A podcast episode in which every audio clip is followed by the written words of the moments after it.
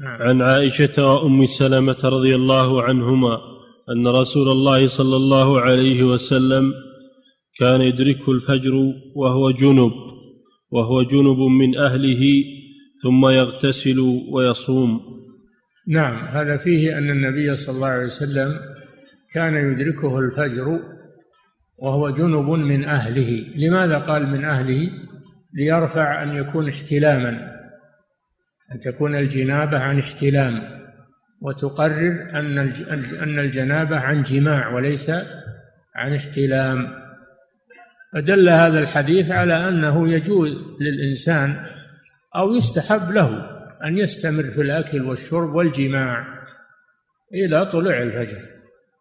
وهذا مأخوذ من قوله تعالى فالآن باشروهن وابتغوا ما كتب الله لكم وكلوا واشربوا حتى يتبين لكم الخيط الأبيض من الخيط الأسود من الفجر فجعل الغاية لنهاية الجماع ونهاية الأكل والشرب طلوع الفجر. ومن لازم ذلك إذا جامع عند طلوع الفجر من لازم ذلك أن يؤخر الاغتسال ويكون الاغتسال بعد الفجر.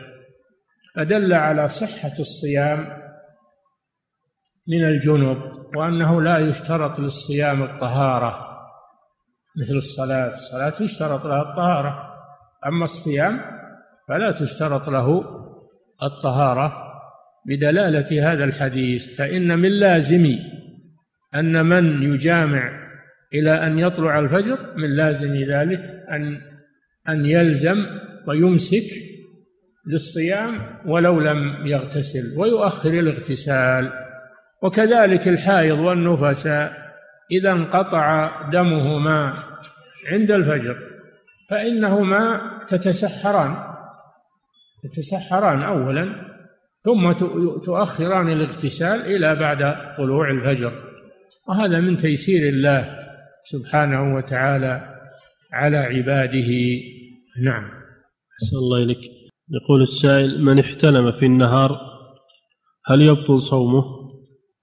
الاحتلام لا يبطل الصوم لأنه ليس باختيار الإنسان ولكن يغتسل من الجنابة وصيامه صحيح لأنه ليس باختياره. نعم.